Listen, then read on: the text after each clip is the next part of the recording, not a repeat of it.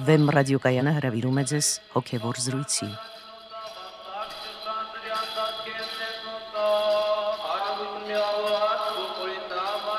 Սիրելի ունկնդիրներ, ուրեմ ռադիոկայանի եթերում են արժանապատիվ Տեր Մեսրոպ Քահանա Արամյանը եւ Արա Սարգսակ Նալչաջյանը։ Այսօրվա մեր զրույցը վախի երկյուղի մասին է։ Օրհնեցեք Տեր հայր։ Աստված օրհնի։ Հայր, ինչպես մեզանից թերևս յուրաքանչյուրը բազմիցս համոզվել է սեփական օրինակով, վախը կամ երկյուղը մարդկային կյանքի մշտական ուղեկիցն է։ Ինչ է վախը կամ երկյուղը։ Արդյոք այն դրական երևույթ է թե բացասական։ Այս մասին է մեր թղթակից Նոեմի Անդրեասյանի ռեպորտաժը։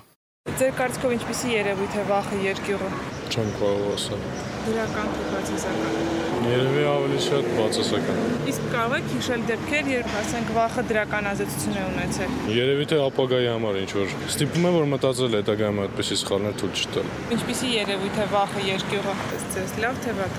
Վախը, եթե դու վախենում ես Աստծուց, ուրեմն լավ երևույթ է։ Իսկ եթե դու վախենում ես միլիցիայից, ուրեմն դա վատ երևույթ է։ Պետք է վախենան, թեկուզ իշխանավորներից, պետք է վախենան։ Ինչու՞։ Որովհետև Աստվածաշնչում այդպես է գրված. «Քո Տեր Աստծուց վախեցի եւ վախեցի այն իշխանավորներից, որոնց ինքն է նշանակված, եւ որպեսի քաոս չառաջանա, բայց մեր իշխանավորները չեն վախենում Աստծուց»։ Ձեր կարծիքով ինչպեսի երևույթ է վախը երկյուղը։ Ինձ թվում է բնական երևույթ, որովհետև մարդկանց մեջ այդ վախը կա եւ մնում է մանավանդ ասենք պատերազմների ժամանակ ասենք բնական աղետների ժամանակ վախը կա Դրական երևույթ է վախը թե բացասական։ բացասական ես կասեի Իսկ չեք կարող հիշել այնպիսի դեպքեր, երբ վախը դրական ազդեցություն է թողել մարդու վրա։ դժվարանում եմ ասել ճիշտ ասած Ձեր կարծիքով ինչպեսի երևույթ է վախը երկյուղը։ Լավ երևույթ չէ, շատ ված երևույթ է։ Մարդու վրա ազդում է, էլի։ Կարող եք հիշել օրինակներ, երբ որ ասենք վախը դրական ազդեցություն է ունեցել մարդու վրա։ Չէ, երևի։ Ինձ հետ ամենայն դեպս տես բան չի պատահել։ Ըստ ձեզ ինչպեսի երևույթ է վախը երկյուղը։ Դրական թե բացասական։ Բացասական որ դրական ոչ։ Վախից ամեն ձևի հիվանդություն առաջանում։ Վախից կարող է մարդ դաժե թոքերի հիվանդություն ստանալ, սրտի պահոկական, հա, խախտվի։ Միթե ձեր կյանքում չեն եղել դեպքեր, երբ վախը դրական ազդեցություն է ունեցել։ Չէ, վախը դրականազություն ոչ մի անգամ չի ունենա։ Վախը ուրիշ բան է, որ ասենք ես վախը մեծ ինչ գործ անեմ, ինքը ուզում է վախ վատ գործ անել, չասենք ուզում է մի գործ անել, բայց վախենում է այդ գործ անել, որտեղ ինքը այդ գործը որ անել կարող է պատահի ինքնի ասենք միլիցիայի ձեռք։ Այդտեղ օգտա տալիս վախը, որ վախում է։ Ինչպես տեսանք, մարդիկ ընդհանուր առմամբ բացասական վերաբերմունք ունեին այս վախ կամ երկյուղ կոչվող երևույթի նկատմամբ։ Միայն մի կին թերևս ասաց, որ վախը լավ է, եթե այն աստծուց է։ Որքանով եք դուք համամիտ մարդկանց այս տեսակետներին։ Ընդհանրապես պետք է ասել, որ վախի զգացողությունը մարդկային բնությանը հատուկ շատ սուր ապրում է եւ դարը շարունակ այս խնդիրը հուզել է մարդկանց անգամ փիլիսոփաներին շատ փիլիսոփայական դպրոցներում փորձել են parzabanել թե ինչ է վախը, երբեմն շատ կարևոր տեղ հատկացնելով վախի կամ երկյուղի այդ զգացողությանը, դերևս Պլատոնից, Արիստոտելից եւ կարող եմ ասել, որ ժամանակակից զանազան փիլիսոփայական ուղությունների մեջ այդ երկյուղի կամ սարսափի խնդիրը լրջորեն քննարկվում է որպես մարդկային հիմնական ապրումներից մեկը։ Այսինքն կարող ենք ասել, որ չկա մարդ, որը ճունի երկյուղի զգացողություն կամ վախի զգացողություն եւ չկա մարդ, որի կյանքում այդ զգացողությունը լուրջ դեր չի խաղում։ Այլ կերպ ասած, բոլոր մարդիկ վախենում են կամ երկյուղ ունեն։ Եվ միևնույն ժամանակ կարելի է ասել, որ սա մարդկային այդ զգացողություններից ամենաանհասկանալին է այսինքն միշտ մարդը ունի խնդիր, թե ինչպես պետք է ինքը վերաբերվի այդ վախին։ Եվ ընդհանրապես խնդիրը առաջանում, արդյոք դա հոգևոր արդեն գիտակցության սահմաններում մարդկային բնությանը ներհատուկ մի բան է թե դա մեղքի հետևանքով վնասված արդեն մարդկային բնությանը բնորոշ մի երևույթ է եւ դրան իհարկե արդեն կրոնական զանազան ուղություններում մեծ տեղ է հատկացվում, այսինքն այդ վախի լուսաբանմանը, բայց արդեն քրիստոնեության մեջ այդ ամենը քննարկվում է Աստծո երկյուղի համատեքստում, որտեվ առանց հասկանալու թե ինչ է Աստծո երկյուղը, հնարավոր չէ parzabanել, թե ինչ է իրենից ներկայացնում այդ մարդկային երկյուղը եւ ինքը իր մեջ ունի բացասական տար թե ոչ։ Իհարկե կան դրա, ասենք, ծայրահեղ արդեն վիճակները, երբ որ մարդու մոտ արդեն հիվանդագին վախի պահեր կան եւ այլն։ Դրանք արդեն տանում են զանազան հոգեկան շեղումների, նույնիսկ բերում են զանազան ֆիզիկական հիվանդությունների, կարծեմ մեկը այս հարցումների մեջ նույնիսկ այդպիսի բան շեշտեց, որը իսկապես այդպես է։ Արդեն երբ որ դրա ծավալը ես նկատի ունեմ դեռևս པարս մարդկային վախի որը ես պետք է հակադրեմ աստվածային երկյուղին, այդ զգացողությունը եթե չափից ավել մեծանա, դա կարող է նույնիսկ հանգեցնել ընդհանուր մինչև ֆիզիկական շատ ծանր հիվանդությունների եւ նույնիսկ հանկարծամահության, եթե դրա ծավալը իսկապես շատ մեծանա մարդկային կյանքում։ Իսկ այդ սովորական վախերը ոչ աստծո երկյուղ, այլ աշխարհիկ վախերը մարդու մեջ բնածին են, թե հետագա կյանքի ընթացքում դրանք առաջանում։ Գիտեք, այդ վախերը կարելի է զանազան մակարդակների վրա դիտարկել, կարելի է դիտարկել կենթանական մակարդակի վրա, ասենք ինչպես ինչպես կա կենթանական վախ, կենթանին էլ է վախենում։ Կան զգացական վախեր, կան ինտելեկտուալ վախեր, այսինքն տարբեր պատճառներով է մարդը վախենում։ Եվ սովորաբար շատ հաճախ այդ վախը մարդու մոտ ծնվում է, երբ որ իր դիմաց կանգնած է մի անբացատրելի բան եւ ինքը ճունի որոշակի հայեցակարգ կամ որոշակի մեխանիզմ վերաբերելու այդ անհասկանալի երևույթին։ Անորոշությունից է, այսինքն։ Իհարկե, անորոշությունից եւ ընդհանրապես կան մարդու մեջ նաեւ գլոբալ վախեր, ընդհանրապես տիեզերքի անսահմանության առաջ եւ այլն, այսինքն երբ որ մարդը սկսում է արդեն իրեն համեմատության մեջ դնել թերևս անհամեմատելի բաների հետ։ Բայց եկեղեցու հայրերը նշում են, որ այդ բոլոր տեսակի երկյուղները մարդուն կարող են լրիվ ուրիշ ճանապարհով տանել։ Եվ ընդհակառակը Աստծո երկյուղն է, որ ճշմարիտ առաջնորդիչ ուժն է մարդկային կյանքի։ Եվ շատ հաճախ, ասենք Աստծո երկյուղ հասկացողությունը ուղակի Սուրբ գրքում նույնացվում է բարձրագույն առաքինության հետ։ Եվ եկեղեցու հայրերը ուղակի ասում են, որ այդ երկյուղը իրականության մեջ ոչ մի ընդհանրություն չունի մարդկային վախերի հետ։ Ընդհակառակը այդ երկյուղից մերժվում է մարդկային վախ, այսինքն կան զանազան տեսակի վախի զգացողություններ, որոնք իրոք արդյունք են մեղքի անկման եւ մարդը մարդկային հոգին տարապում է չէ որ եթե մենք ասում ենք որ այդ վախը ծնվում է ինչ որ անբացատրելի ուժից կամ երբ մարդը կանգնած է ինչ որ անհասկանալի իրավիճակի առաջ որոշակի սարսափի պահեր է ունենում ուրեմն այդ բոլորը ի վերջո արդյունք են մարդու անկատարության դա նշանակում է որ կատարյալ վիճակում մարդը չպետք է ունենար այդպիսի բան օրինակ վախ կենթանիներից եւ մենք տեսնում ենք արդեն սրբության վիճակում որ դա լրիվ հաղթահարված է այսինքն բազմաթիվ վկայություններ կան եւ այսօր էլ կան նմանօրինակ վկայություններ երբ մարդը արդեն հասնում է սրբության եւ նրանից կենթանիները չեն փախչում եւ այդ ամեհի գազաններն են սկսում այդ սուրբերին ծառայել եւ նաեւ երկնքի թրջունները կամ այսպես ասած եղնիկները եւ այլն արդեն չեն վախենում նմանօրինակ մարդուց ոչ միայն ինքն է կորցնում վախը այդ կենթանական աշխարհի նկատմամբ այլ նաեւ կենթանական աշխարհն է կորցնում վախը տվյալ մարդու նկատմամբ եւ առասարակ անապատական հայրեր անապատներում առյուծների հետ միասին էին բնակվում այդպիսի օրինակները բազում են ես ուզում եմ ասել որ կան բազմաթիվ վախի զգացողություններ մարդու մոտ, որոնք արդեն սրբության իրավիճակում դուրս են մաղվում մարդկային բնությունից։ Եվ եկեղեցու հայրերը ասում են, նա ով ձեռք է բերել ճշմարիտ աստվածային երկյուղը, նա այլևս չի վախենում ոչ մի աշխարհիկ բանից։ Եվ ընդհակառակը ասում են, քանի դեռ դու ունես աշխարհիկ վախեր, դա նշանակում է, որ դու դեռ ձեռք չես բերել ճշմարիտ աստվածային երկյուղը։ Ինչպես ինչ է դա նշանակում։ Դա նշանակում է, որ Աստծո երկյուղի այդ վիճակի մեջ մարդը գալիս է կատարյալ ներդաշնակության, թե ինքն իր հետ, թե Աստծո հետ եւ թե ամբողջ արարչագործության հետ։ Եվ նորից եմ ասում, այդ երկյուղը կապ չունի աշխարհիկ սարսափի կամ վախի այդ զգացողությունների հետ։ Այդ երկյուղը արդյունք է Աստծո հետ մերձավորագույն հարաբերության։ Եվ նույնիսկ եկեղեցու հայրերը ասում են, որ հենց այդ երկյուղն է, որ վերջում վերաճում է սիրո, կատարյալ սիրո։ Այսինքն երկյուղի այդ բարձր աստիճանը կատարյալ երկյուղի եւ կատարյալ սիրո այդ աստիճանները գրեթե իրար հետ նույնացվում են։ Եվ Սուրբ Գիրքը ասում է կատարյալ սերը հերո է վանում երկյուղը։ Սա շատ հետաքրքիր հետաքրքրական է, որ Հովանես Ավետարանիչը ասում է, որ կատարյալ սերը հերույ է վանում երկյուղը, եւ եկեղեցու հայրերը մեկնաբանում են այս խոսքը։ Սա շատ կարեւոր է, որովհետեւ որոշ այսօրվա, այսպես ասած, աղանդավորական ուղություններ ընդհանրապես Աստծո երկյուղ հասկացողությունը դիտում են որպես հակադիր հասկացողություն սիրոն, ասում են երկյուղ պետք չէ ունենալ, Աղավասիկ Հովանես Ավետարանիչը գրում է, պետք է սիրո ճանապարհով գնալ։ Մինչդեռ եկեղեցու հայրերը ասում են, որ եթե մարդը չունենա երկյուղ, ինքը չի կարող գալ ճշմարիտ սիրո։ Եվ իրականության մեջ այստեղ խոսվում է երկյուղի երկու աստիճանների մասին։ Եկեղեցու հայրերը ասում են, որ կա Աստծո երկյուղի երկու մակարդակ։ Առաջին մակարդակը դա երբ որ դու վախենալով դատաստանից հավիտենական կյանքը կորցնելուց եւ այլն, որոշակի երկյուղով կատարում ես Աստծո պատվիրանները։ Սա պատվիրանապահական, այսպես ասած, երկյուղ է։ Այսինքն դու որոշակի երկյուղ ունես, որ դու կարող ես չարժանանալ հավիտենական կյանքի եւ այդ պատճառով դու կատարում ես աստվածային պատվիրանները։ Սա եկեղեցու հայրերը ասում են, որ բնորոշ է սկսնակներին։ Իսկ կատարյալներին ավելի բնորոշ է ворթիական սերը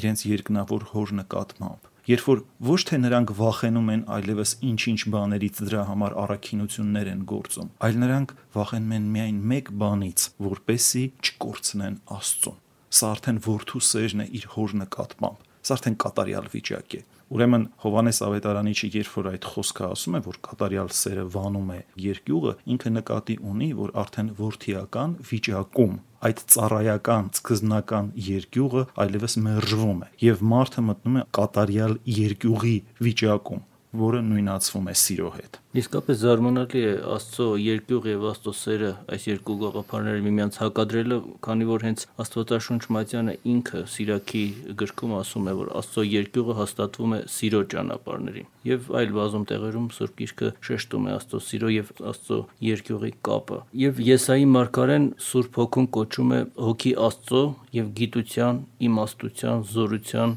խորհրդի, երկյուղի եւ Աստվածպաշտության հետաքրքիր է որ ասում է երկյուղի հոգի աստծո երկյուղ այնքան կարևոր բան է որ սուրբ հոգին ինքը կոչվում է հենց երկյուղի հոգի ո՞րն է այդ կարևորությունը երկյուղը ընդհանրապես երբ որ սուրբ գիրքը ասում է երկյուղած այրեր, ասում է եւ կային երկյուղած այրեր այսինչ տեղում։ Դա նշանակում է, որ կային բարձրագույն առաքինությամբ ապրող կամ սուրբ այրեր։ Այսինքն այն կատարյալներն են երկրորդ աստիճանը, որի մասին դուք ասացիք։ Այո, դա արդեն կատարելության, այսպես ասած, վիճակ է եւ երկյուղ բառը նորից եմ ասում պետք չէ հասկանալ այսօրվա վախի կոնտեքստի մեջ դա մարդու եւ աստծո ներքին փոխհարաբերության ամենաբնորոշիչ ուրեմն սկզբունքներից մեկն է դա սիրո փոխհարաբերության սկզբունք է այսինքն դա հենց այն սկզբունքն է որ դու չես ուզում կորցնել նրան ում դու սիրում ես նրան ում դու պաշտում ես Նորից եմ ասում, եթե աշխարհիկ որևէ օրինակով փորձենք սա բացատրել, ապա worth-ի հայր փոխհարաբերությունն է, երբ որ worth-ին կատարում է այն ամենը, ինչ որ իր հայրը իրենից պահանջում է, ոչ թե նրա համար, որ ինքը վախենում է, որ իր հայրը կպատժի իրեն, ինքը արդեն դուրս է եկել այդ հասակից այսինքն պատժի վախից չի կատարում այլ նրա համար որ ինքը սիրում է իր հորը դրա համար իր հոր կողմից ասված գործերը ինքը սրբությամբ կատարում է իր սիրուց ելնելով այսինքն որպեսի հոր սերը եւ բարեհաճությունը չկորցնի որը հենց իր համար ամենաթանկն է ոչ միայն հոր սերը այլ հորը չկորցնի որովհետեւ դա ամենաթանկագին բանն է իր համար Եվ հետաքրքիր է, որ այս վերոբերյալ հատվածում Եսայի մարգարեից երկու բառեր են իրար կողքի՝ զորության հոգի եւ երկյուղի հոգի։ Առաջին հայացքից կարծես թե հակասական պետք է լինեն այս երկու բաները միմյանց՝ զորություն եւ երկյուղ։ Մենք կարող ենք ասել այստեղ, որ աստվածային ներգործությունը մարդու մեջ երբ որ սկսում Աստծո շնորհը ներգործել, ինքը այդ զորությունը մարդու մեջ սկսում է արտնասնել ճշմարիտ երկյուղ ճշմարիտ երկյուղ եւ մարդը սկսում է մտնել արդեն կատարյալ հոգեվոր արտնության վիճակի մեջ ինքը տեսնում է այդ աստվածային գեղեցկությունը, տեսնում է այդ աստվածային կյանքի վեհությունը, ինքը տեսնում է թե ինչ է ինքը կորցրել եւ ինքը ուղակի սարսափում է, որ հնարավոր է դա կորցնել եւ ամեն բան անում է դա չկորցնելու համար, արդեն իր սիրուց ելնելով։ Սուրբ գիրքը մասնավորապես առակած գիրք եւ Սիրակի իմաստության գիրքը հետեւյալ գաղափարներն են տալիս իմաստության սկիզբը տիրոջ երկյուղն է նաև ասում է իմաստության լիությունը տիրոջից երկյուղելն է, ինչպես նաև իմաստության պսակը տիրոջ երկյուղն է։ Ինչու է Սուրբ Գիրքը Աստծո երկյուղը կապում իմաստության հետ եւ ինչպես հասկանալ, որ Աստծո երկյուղը իմաստության եւ սկիզբն է եւ լիությունը եւ պսակը, այսինքն գագաթը, կատարելությունը։ Իսկապես Աստծո երկյուղը դիտվում է որպես իմաստության սկիզբ եւ Սուրբ գրքում եւ հայրաբանական գրականության մեջ, որովհետեւ երկյուղած մարդը Աստծո ճշմարիտ երկյուղ ունեցող մարդը նույնիսկ առաջի մակարդակի այդ ծառայական երկյուղ ունեցողը ինքը այլևս չի շարժվում մեղքի ճանապարհով ինքը ունի յուրահատուկ արդեն հոգևոր ունակություն զատելու բարին չարից, այսինքն ձեռք է բերել որոշակի խոհեմություն եւ այլևս ինքը հրաժարվել է մեղքի ոլորտից, այսինքն ինքը ունի արդեն բավականաչափ խորագիտություն եւ բավականաչափ հոգեվոր նրբություն հեռանալու մեղքի ոլորտից եւ կատարելու ուրեմն աստվածահաճո գործեր, որը հենց դիտվում է որպես իմաստություն, այսինքն հոգեվոր իմաստություն, սկիզբը, այսինքն սկիզբն է դա իմաստության։ Եվ ինչ որ առումով նաեւ ինքը լրումն է իմաստության, որովհետեւ հենց Աստծո երկյուղն է մարդկային հոգու այն ապահով զորությունը կամ կարողությունը, որ նրան բերում է հասցնում է արդեն աստվածպաշտության կատարյալ վիճակի։ Այլ կերպ ասած, եթե մենք ասենք, որ հոգևոր կյանքը ունի մի ունիվերսալ, այսպես ասած, սկզբունք, ապա դա կարող ենք ասել, որ Աստծո երկյուղի զգացողությունն է։ Որովհետև եթե սիրո մասին խոսում է, ասում է, որ դա շատ կատարյալ բան է եւ բնորոշ է այդ աստվածային սերը միայն կատարյալներին, ապա մենք կարող ենք ասել, որ երկյուղը առաջնորդում է հոգևոր կյանքը սկզբից մինչև վերջ եւ բնորոշ է սկսնակներին եւ բնորոշ է կատարյալներին արդեն իր տարբեր դրսևորումներով Դրա համար ուղակի Աստծո երկյուղը ոչ միայն սկիզբն է, այլ ուղակի Աստծո երկյուղը հենց իմաստությունն է, հենց կատարյալ իմաստությունն է, որը մարդուն զերծ է պահում մեղքից, չարի ծառայությունից եւ մարդուն տանում է հոգեվոր ազատագրման ճանապարհով։ Ես նորից ուզում եմ ասել, որ Աստծո երկյուղով ընթացող մարդը ազատագրվում է այս աշխարհի կապանքներից։ Մարդը ունի զանազան կապանքներ այս աշխարհում. մեղքի կապանքներ։ Յուրաքանչյուր մեղքի կապանքի մեջ դրված է որոշակի վախի զգացողություն որովհետև մեղքը քայքայում է մարդկային բնությունը։ Մեղքը մարդկային բնությունը տանում է լրիվ հակառակողությամբ եւ յուրաքանչյուր մեղքի հետ կա կապված որոշակի վախի անորոշության զգացողություն եւ ճշմարիտ աստվածային երկյուղով առաջնորդվող մարդիկ հետս հետե ազատագրվում են այս աշխարհի վախերից եւ գալիս են իրենց ներդաշնակ վիճակին, կատարյալ վիճակին։ Եվ այդ վիճակում ամբողջ արարչությունը վերադառնում է իր ճշմարիտ կերպին որովհետև մարդը ստեղծված է որպես իշխան եւ տեր ամբողջ արարչության եւ ոչ թե ծառայական, այսպես վիճակի մեջ, որի մեջ ինքը հայտնվել է մեղքի անկումից հետո։ Եվ Աստվածային երկյուղը հնարավորություն է տալիս մարդուն վերականգնելու իր սկզբնական վիճակը։ Հենց այդ բարձր վիճակի մասին է Սիրակի իմաստության գրքից այն հատվածը, որ ուզում եմ ընթերցել։ Տիրոջ հանդեպ երկյուղը փառք է ու պարծանք, ուրախություն է եւ ցնծության պսակ։ Տիրոջ հանդեպ երկյուղը զվարճացնում է սիրտը եւ ապարգևում ուրախություն, խնդություն ու երկար կյանք։ Ով երկյուղ է կրում Տիրոջից, նա բարիք կստանա հետո եւ իր վաղճանի օրը կորհնվի։ Տիրոջ հանդեպ երկյուղը Տիրոջ ապարգևն է, որ հաստատվում է սիրո ճանապարհներին։ Տիրոջ հանդեպ սերը փառավոր իմաստություն է եւ ում կամենում է Տերը շնորում է համաձայն իր հայեցողության։ Իմաստության սկիզբը երկյուղն է Տիրոջից, որ հավատացյալների համար հաստատվել է մայրական արգանդից ի վեր, մարդկանց հետ բնավորվել է հավիտենական հիմքից եւ հավատարիմ կմնա նրանց սերնդի հետ։ Իմաստության լրումը երկյուղն է Տիրոջից։ Այն կսնի մարդկանց իր պտուղներով, մարդու ամբողջ տունը կլցնի ցանկալի բաներով եւ շտեմարանները նրա վաստակով։ Այստեղ իհարկե գաղափարները բազմաթիվ են, սակայն ես այժմ կուզենայի անդրադառնալ միայն մեկ գաղափարի՝ Աստծո երկյուղի բնածին լինելու կամ չլինելու գաղափարին։ Ինչ է սա նշանակում եթե Աստծո երկյուղը բնածին է, ինչպես այստեղ ընթերցվեց այդ տողը, ապա միթե իզուր են այն ձեռք բերելու մեր ջանքերը։ Եվ այդ դեպքում ինչու են եկեղեցու հայրերը մեզ հորդորում այն Աստծոց խնդրել, այսքան Աստծո երկյուղը։ Եվ ինչու է Սաղմոսում ասված. Եկեք իմ որդիներ եւ լսեցեք ինձ, ես կսովորեցնեմ ձեզ Տիրոջ երկյուղը։ Ուրեմն Տիրոջ երկյուղը կարելի է սովորել, ստացվում է։ Շատ բաներ կան, որ մարդը ունի այսպես բնածին, բայց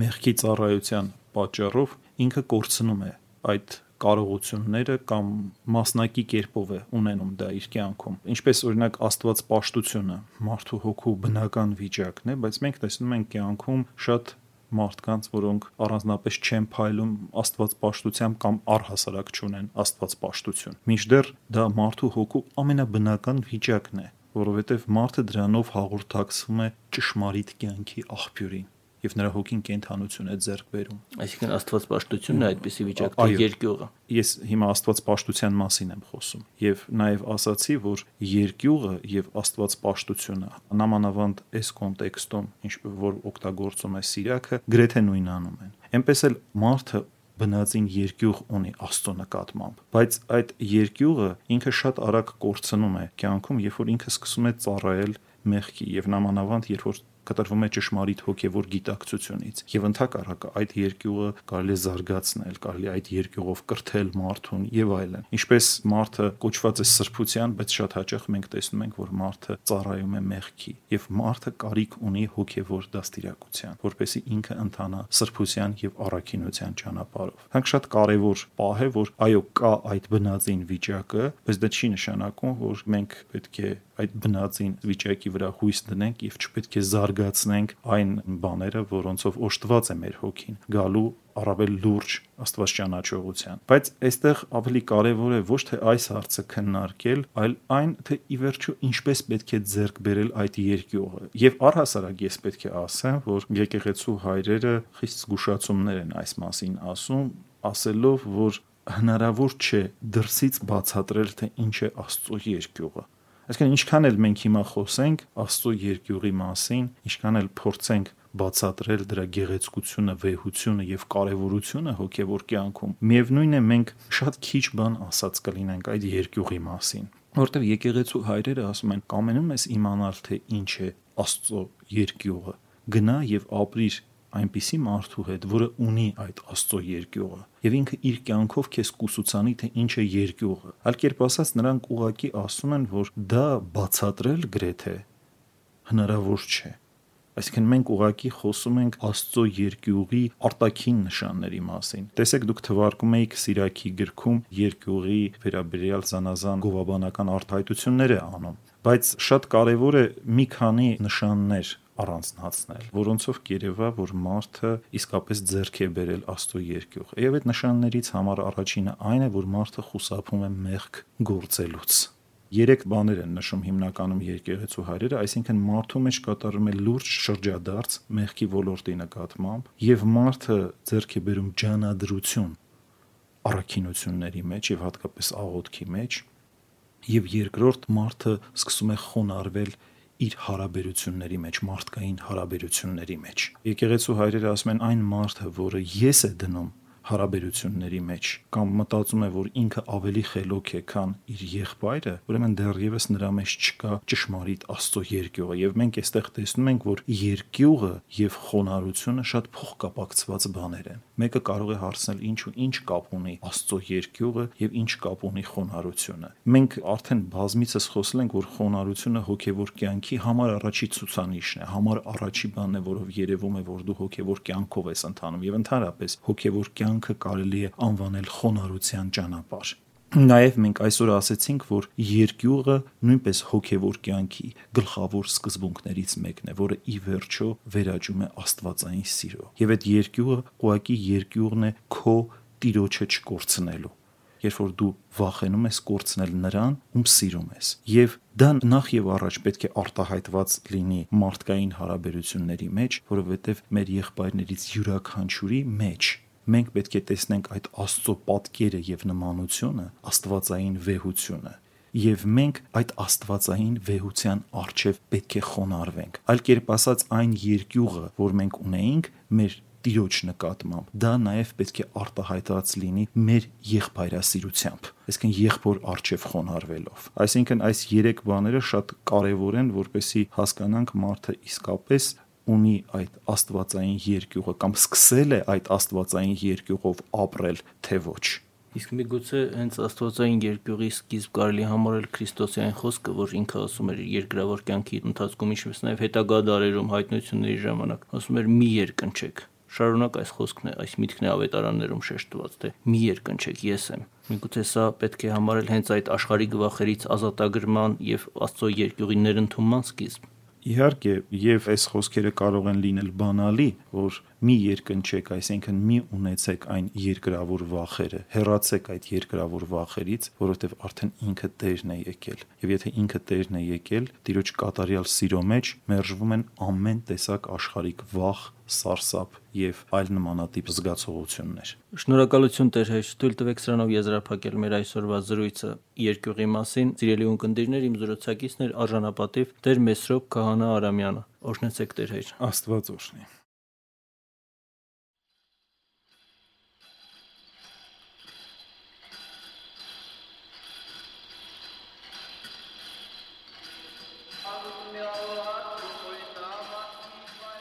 Հոգևոր զրույցներ հաղորդաշարի հերթական հաղորդումը վարեց Արաս Սարգսակ Նալչաջյանը։